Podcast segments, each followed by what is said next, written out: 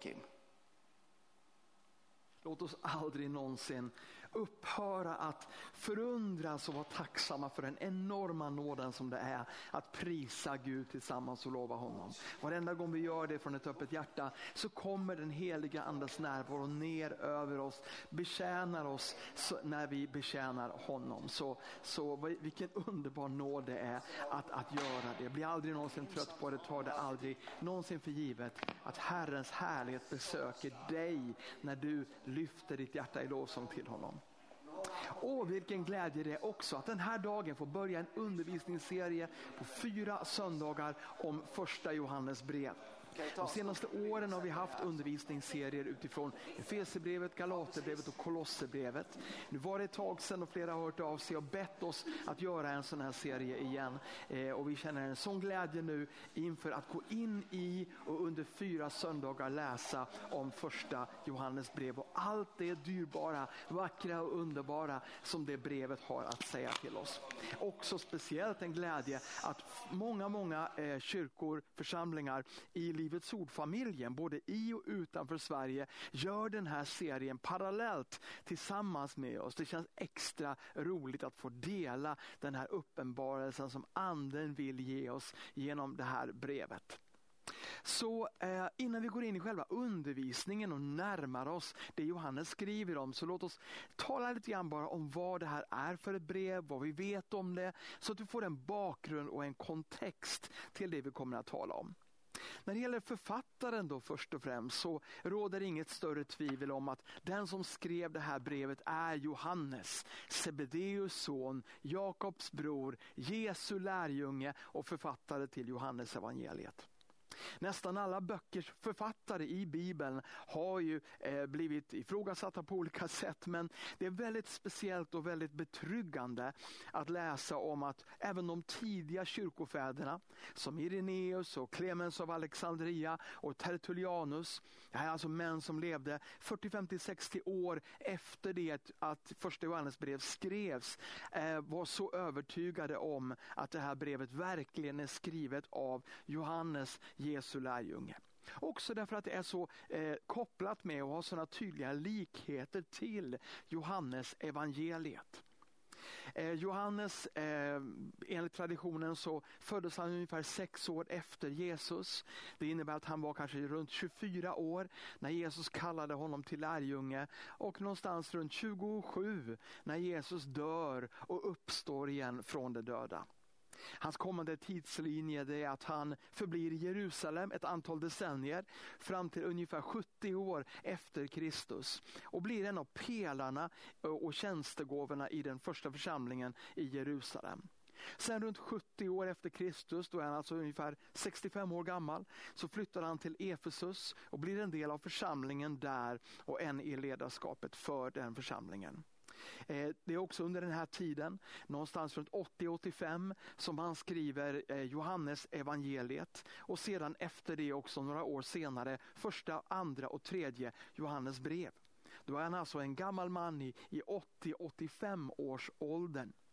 Och sedan runt eh, år 95 så Eh, och sätts han i exil på, den, på ön Patmos i den grekiska övärlden. Och Det är där han får den syn som han skriver ner och som blir uppenbarelseboken. Och så flyttar han tillbaka till Efesus nu som en gammal man och lever sina sista år där. Dör kanske någonstans runt år 100 i en väldigt hög ålder. Han är alltså kanske någonstans runt 95 år gammal, vilket ju är en enastående hög ålder på den tiden. Det är också speciellt med Johannes att han därmed också blir den enda av de tolv apostlarna. Och då räknar jag inte in Judas Iskariot utan Mattias som ersatte honom bland de tolv. Som inte dör martyrdöden för sin tro. Alla de andra marteras. De dör för sin tro, de flesta av dem utanför Jerusalems gränser. De har gått eh, bort från Israel i lydnad till Jesu missionsbefallning, gå ut i hela världen och predika evangeliet. Och de dör i länder som Etiopien, Armenien, till och med Indien. Men Johannes alltså, han är den enda som dör en naturlig död. Men det berodde inte på att han var avfällig eller någonting sånt, utan man försökte döda honom. Man försökte koka honom i olja. Man gav honom en, en bägare med gift att dricka för att försöka få död på honom. Men av någon anledning så gick det inte att döda Johannes. Han överlevde de här olika eh, mordförsöken och dör alltså en naturlig död vid en hög ålder. Jag blir också gripen när det gäller Johannes och det han skriver i, i sitt evangelium över hur han benämner sig där, sex gånger faktiskt, som den lärjunge Jesus älskade. Tänk att han säger det om sig själv. Obs, han säger inte den lärjunge Jesus älskade mer än någon annan. Det hade varit högmod. Men han säger den lärjunge Jesus älskade. Utifrån en upplevelse och en uppenbarelse av Jesu kärlek just till honom och Jesu kärlek naturligtvis till alla människor. Speciellt också att alla de här sex gångerna då han nämner den frasen, den lärjunge Jesus älskade, alla sker emellan den sista måltiden och himmelsfärden. Alltså under det att Jesus grips, lider, döda, dödas, uppstår igen. Just det som har med det centrala frälsningsbudskapet. Det är där som Johannes slutar att omtala sig som Johannes och bara identifierar sig med denna enorma enorma kärlek som till och med gick till döden, in i döden. För hans skull, för din skull och min skull. Och jag ber verkligen att Guds ande ska ge dig den självbilden. Att du kan titta dig i spegeln och trots dina misslyckanden och tillkortakommanden komma till en punkt när du kan se på dig själv, tänka på dig själv och kalla dig själv för den man eller kvinna som Jesus älskade. Ehm, Johannes evangeliet är väl dokumenterat. Eh, ett av många olika tidiga fragment från den avskrift eh, är Muratorian-fragmentet från år 170 efter Kristus. Det är alltså bara kanske 75 år efter det att det skrevs och det fragmentet innehåller första Johannes 1, vers 1-3 som vi faktiskt ska också läsa idag. När det gäller brevets mottagare så är det lite mer oklart när vi har läst om Paulus brev, de tre brev som vi har studerat i predikoserier här på Livets Ord, så är det lite mer tydligt. Paulus introducerar ofta väldigt klart och tydligt i sina brev vem det är han talar till, vilka som är hans mottagare och så avslutar han också med en tydlig avskedshälsning. Han nämner specifika namn och specifika församlingar. Johannes gör inte det. Det finns ingen tydlig introduktion av, av, av Paulus slag och heller ingen avslutning i första Johannes brev.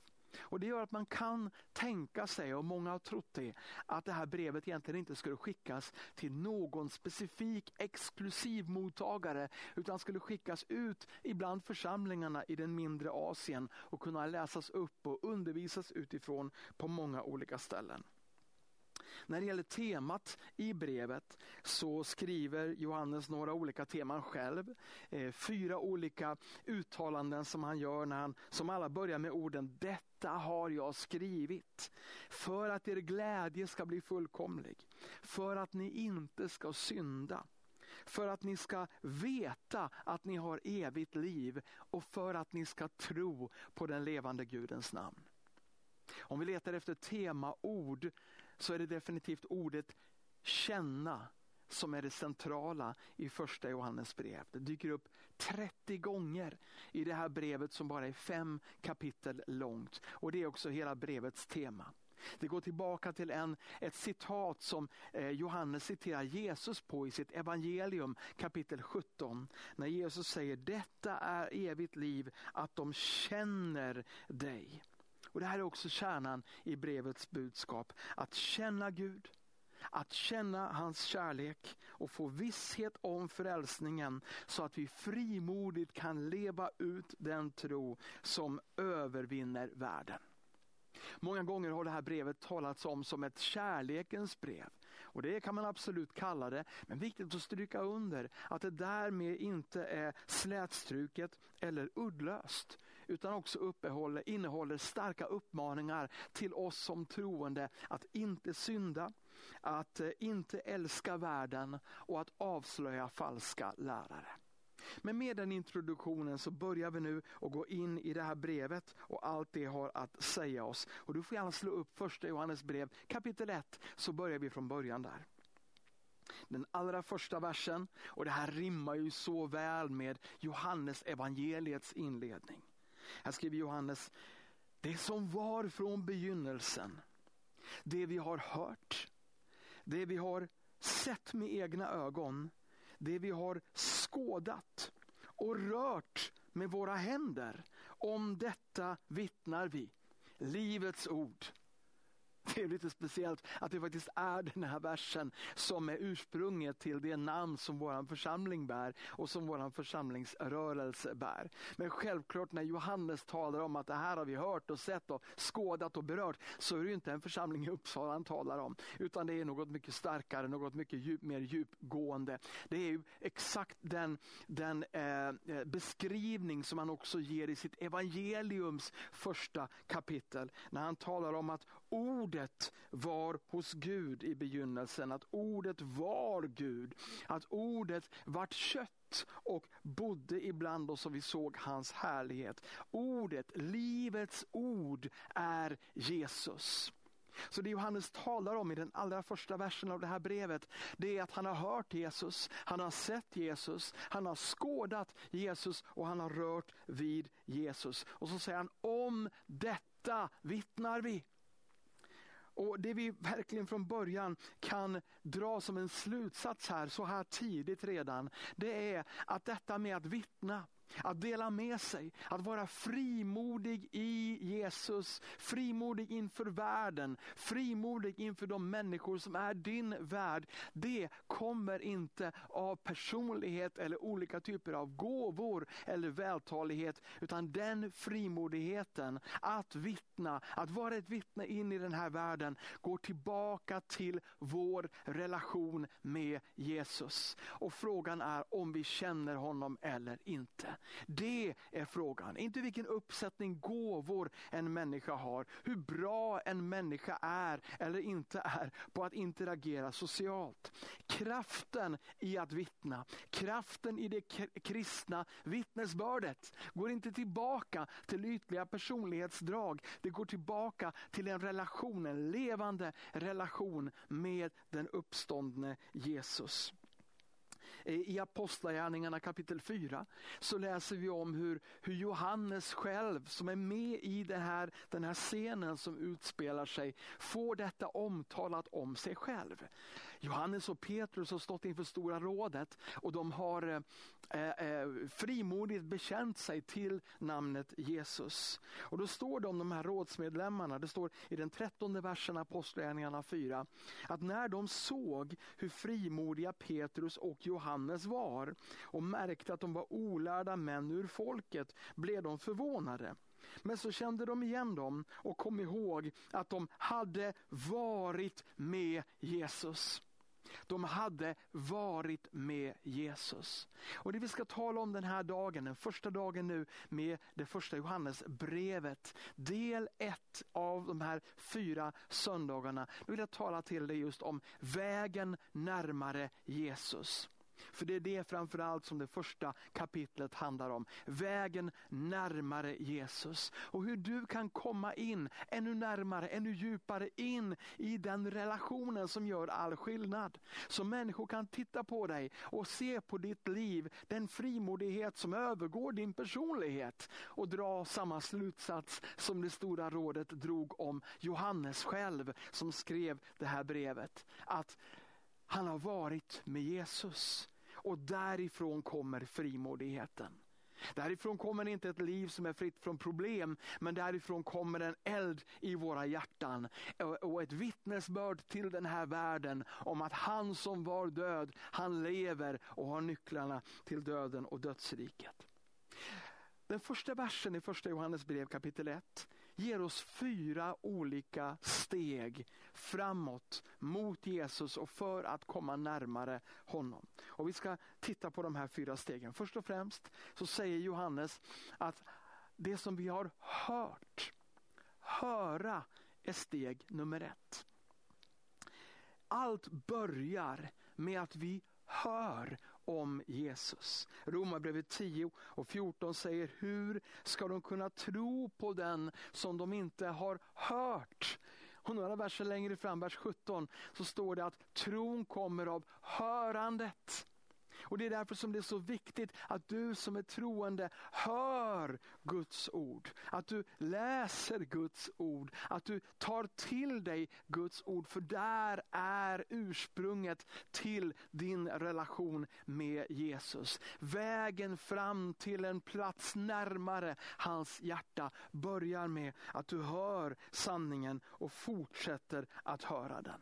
För livet kan innehålla många härliga, häftiga och spännande upplevelser. Och Det behöver inte vara något fel med det. Men du kan bara bygga ditt liv på Guds ord. Resten är dekoration, resten är grädden på tårtan, resten kan vara liksom godiset på fredagskvällen. Men det är inte det som ger näringen som bygger upp din kropp. Det är inte det som skapar sundhet och styrka till din varelse. Det börjar med hörandet. Och Det är därför jag verkligen vill uppmuntra dig att sätta av ett år och komma hit till Livets Ord i Uppsala och gå på Bibelskolan, Livets Ords Bibelcenter. Och Jag säger inte det därför att någon har bett mig göra det. Jag säger det av en egen levande erfarenhet. Ett halvår efter det att jag tog emot Jesus så valde jag det, att komma hit och gå Bibelskolan skolan. Fortfarande idag så är det bland de bästa beslut jag någonsin har fattat. Inte för att det var en cool upplevelse eller för jag fick många nya vänner, även om båda är sant. Men det viktigaste var att jag för första gången fick höra inte bara höra om att Jesus fanns som en historisk person, utan höra sanningarna från Guds ord predikas utifrån personlig uppenbarelse i den som förkunnade. Guds ordet började sin process i mitt liv att bryta bojor, krossa klippor, smälta det frusna och sätta mig fri. Du kan inte gå runt, ta genväg förbi hörandet, lyssnandet, läsandet, uppenbarelsen i Guds ordet. Utan den kommer ditt liv med Jesus bara att bli en ytlig och instabil upplevelsebaserad relation. Och du kommer inte att stå pall när vinden börjar blåsa.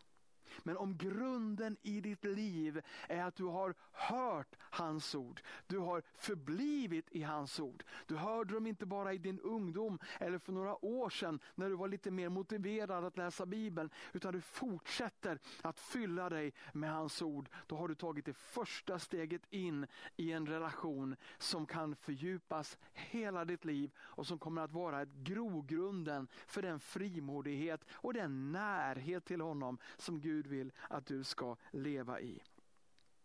Hörandet, informationen, kunskapen, insikten är absolut nödvändig. Men med det sagt så är den inte tillräcklig. Hörandet är början, men det är inte den kompletta processen.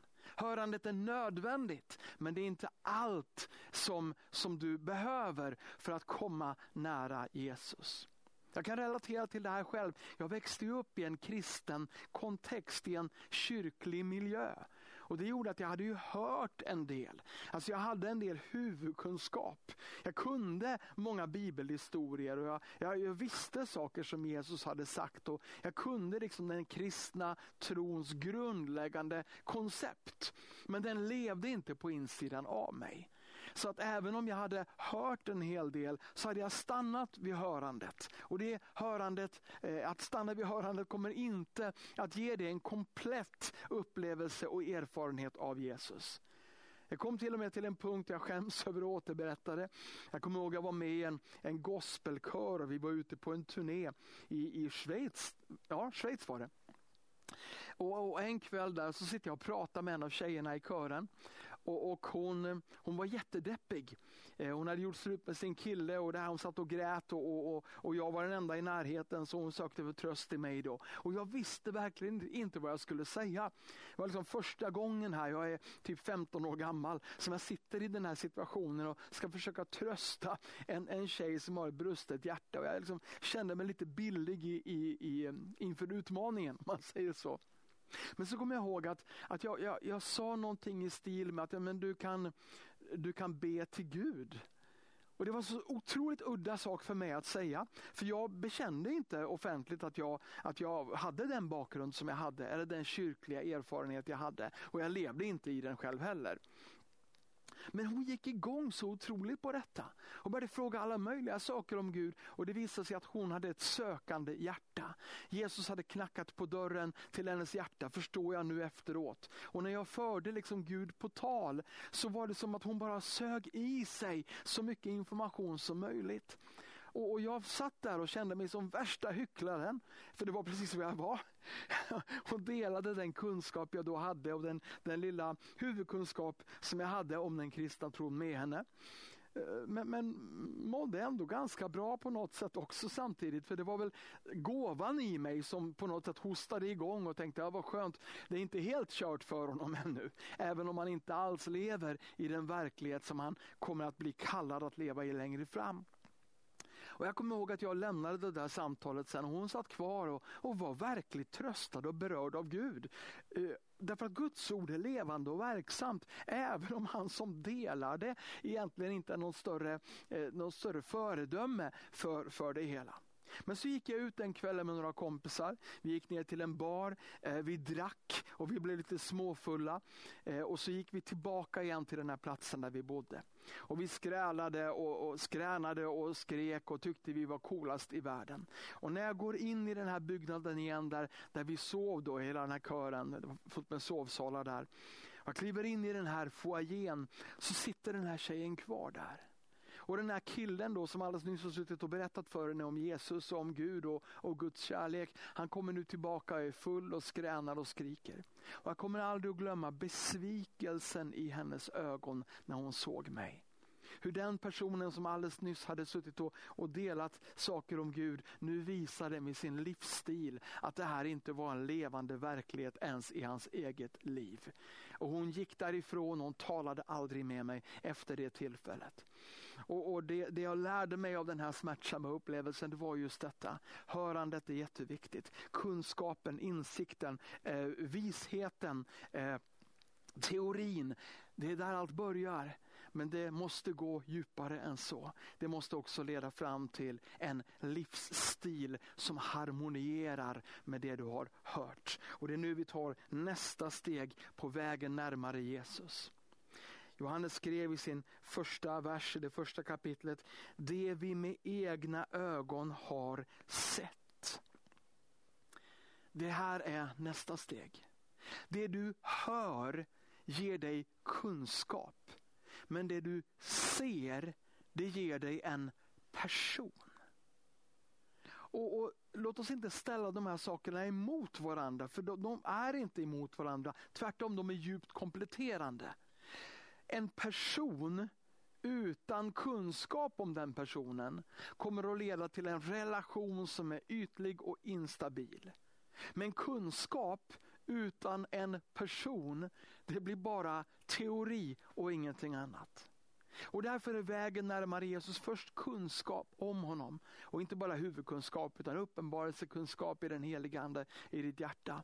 Men sen är det också att dina ögon öppnas så att du ser honom i ditt hjärta. Att du ser inte bara personen Jesus som Bibelns ord talar om utan den levande uppståndne Jesus som är en verklighet och är där du är just nu när vi talar. Det här är absolut nödvändigt. Jobb kapitel 42 och vers 5 säger Förut hade jag hört talas om dig men nu har jag sett dig med egna ögon.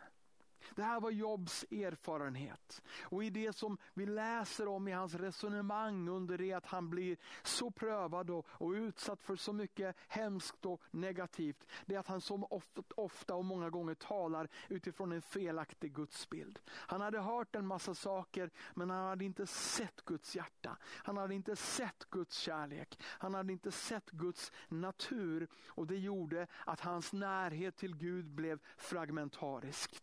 Han sa själv, jag hade hört om dig men nu har jag sett dig. Det handlar inte om att det var, var något fel på att höra om Gud. Men hörandet kräver ett seende och de två behöver smälta samman till en helhet. Nästa vers i första Johannes brev kapitel 1 skriver Johannes, livet har uppenbarats, vi har sett det. Inte bara hört om det, vi har sett det och vittnar om det och förkunnar för er det eviga livet som var hos Fadern och uppenbarades för oss. Hörandet först och sedan i kombination med seendet föder en frimodighet som förkunnar det eviga livet. Eh, det här är ju också en, en jämförelse med, med Johannes evangeliet och, och dess första kapitel. Ordet blev kött och bodde bland oss och vi såg hans härlighet.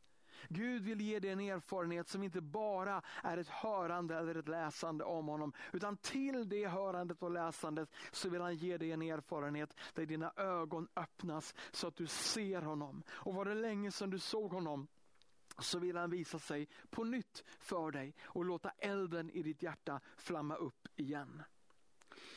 En intressant sak läggs till också.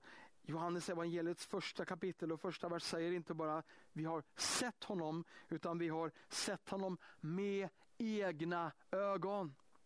Med egna ögon. Joakim måste se Jesus med Joakims ögon. Du måste se Jesus med dina egna ögon. Och här är frågan vi måste ställa oss. Vems ögon ser du Jesus med? Ser du honom med dina egna ögon per idag? I, i slutet av februari 2021? Eh, eh, eller ser du honom med dina föräldrars ögon?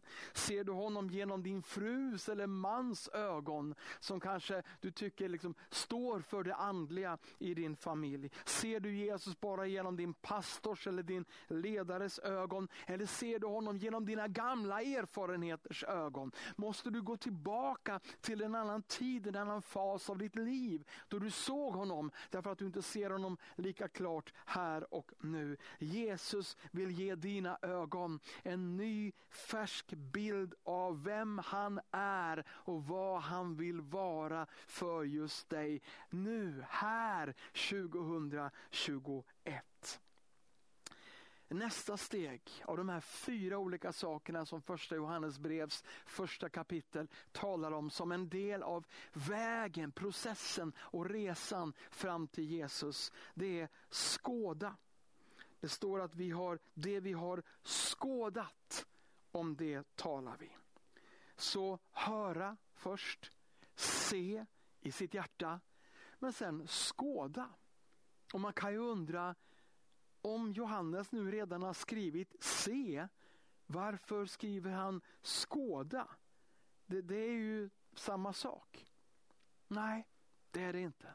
Det finns en nyansskillnad. För att se, det kan man göra aktivt men också passivt. Eh, om du är ute på, på stan och går så, så ser du ju det som råkar passera framför dig. Du styr inte över det, du kontrollerar inte det. Du, du valde inte att se det. Du såg de olika sakerna och de här synintrycken kom därför att de råkade äga rum och du råkade vara vänd i den riktningen. Men att skåda, det innebär att aktivt fästa sin blick. Att själv välja på att intensivt fokusera på. Och Det är intressant tycker jag att det, det, grekiska grundordet som Johannes använder här bara används här och en annan gång till.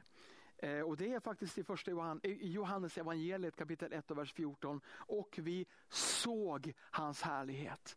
Alltså vi fäste våra ögon, vi fokuserade på, vi valde att se hans härlighet. Det var inte bara någonting som råkade passera framför oss. Och i att skåda jämfört med att se så ligger också ett val. Du och jag väljer att se på Jesus och samtidigt väljer vi alltså bort andra saker som djävulen och den här världen och ditt kött vill att du ska titta på istället. Och Det kan vara synd, det kan vara orenhet, det kan vara pornografi, det kan vara människans, människors eh, fel och brister runt omkring dig. Eh, och allt det andra som, som den här världen vill att du ska meditera på och som vill stjäla din uppmärksamhet.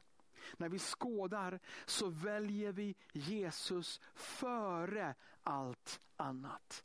Vi vänder oss bort från någonting samtidigt som vi vänder oss emot honom. Och det startar en process av rening och frihet från synd i våra liv. När vi ser honom då är det för att hans, hans, hjärta, eh, hans hjärta rör vid vårt hjärta och, och det skapas en ny bild av den han är. Men när vi skådar honom så är det ett aktivt val, ett helgelsens val från vår sida. Där vi väljer bort någonting för att istället välja honom. När vi för första gången betalar ett pris för vår tro på Jesus och för vår längtan att komma närmare honom. Nästa söndag när vi fortsätter vår resa genom första Johannes brev så kommer vi att tala mer om det här, om seger över synden. Men redan i det första kapitlet så kommer Johannes in på detta.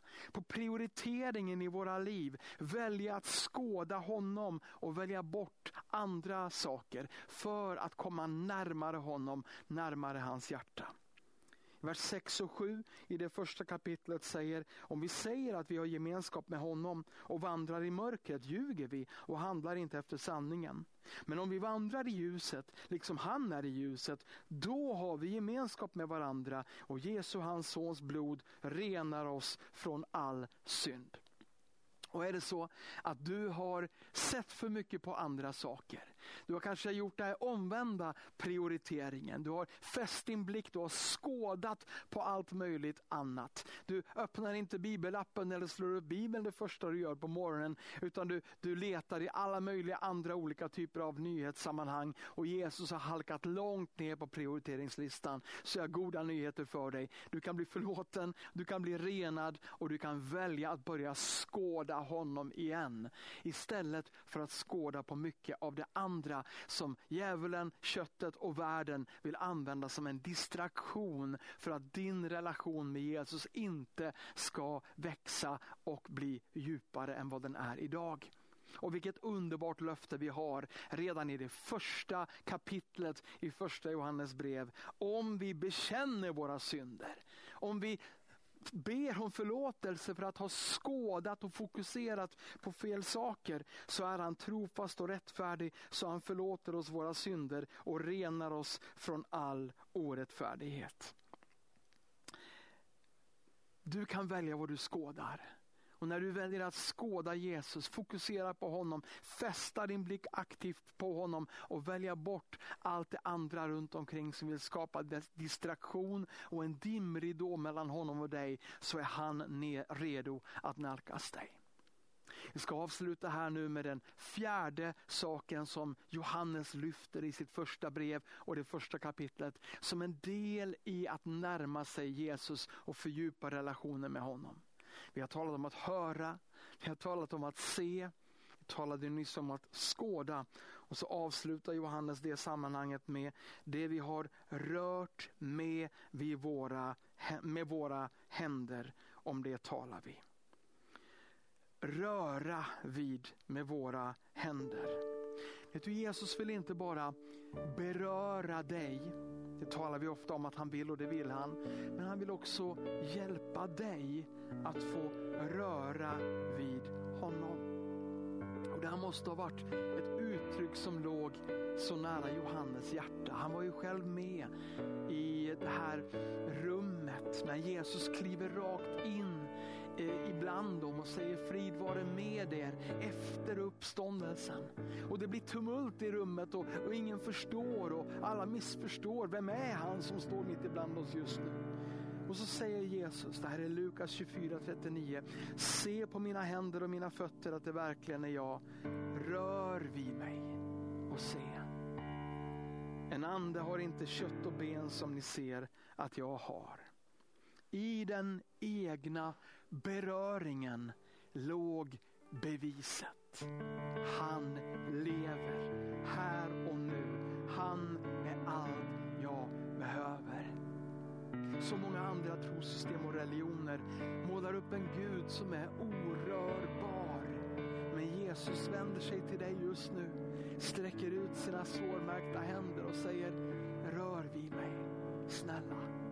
Jag vill röra vid dig, vid ditt hjärta, vid din själ, vid din kropp, vid dina omständigheter. Jag vill röra vid, vid det, som är, det som är vackert och fint men också med, vid det som är trasigt och, och brutet och stukat. Men du kan sträcka ut dina händer och röra vid mig och du kan få en egen unik erfarenhet av beröring med Jesus.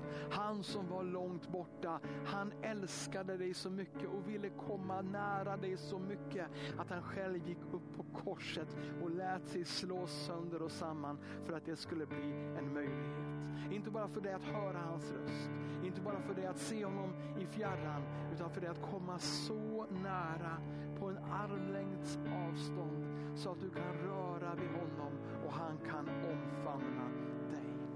Och jag vill bara avsluta helt kort här idag med att berätta om ett tillfälle på en sjöstrand någonstans och vi hade tänt upp ett, ett bål på stranden. Och vi grillade korv där. Jag tror att jag var kanske 9-10 år gammal om jag minns rätt. Och rätt som det kommer jag ihåg att det, det poppade till. Och så det som hände egentligen var att en sten som låg i den här eh, eldstaden sprack av värmen och en del av stenen sköt iväg en liten bit bort och jag gick bort för att titta på den. Och där den låg och var alldeles vit så såg den ju jättefin ut. Och jag hade inte riktigt fattat eller hängt med i att den här själva verket hade blivit utskjuten ifrån, ifrån eldstaden. Och att det vita på stenen var inte bara stenens färg utan det var ju att den var vitglödgad.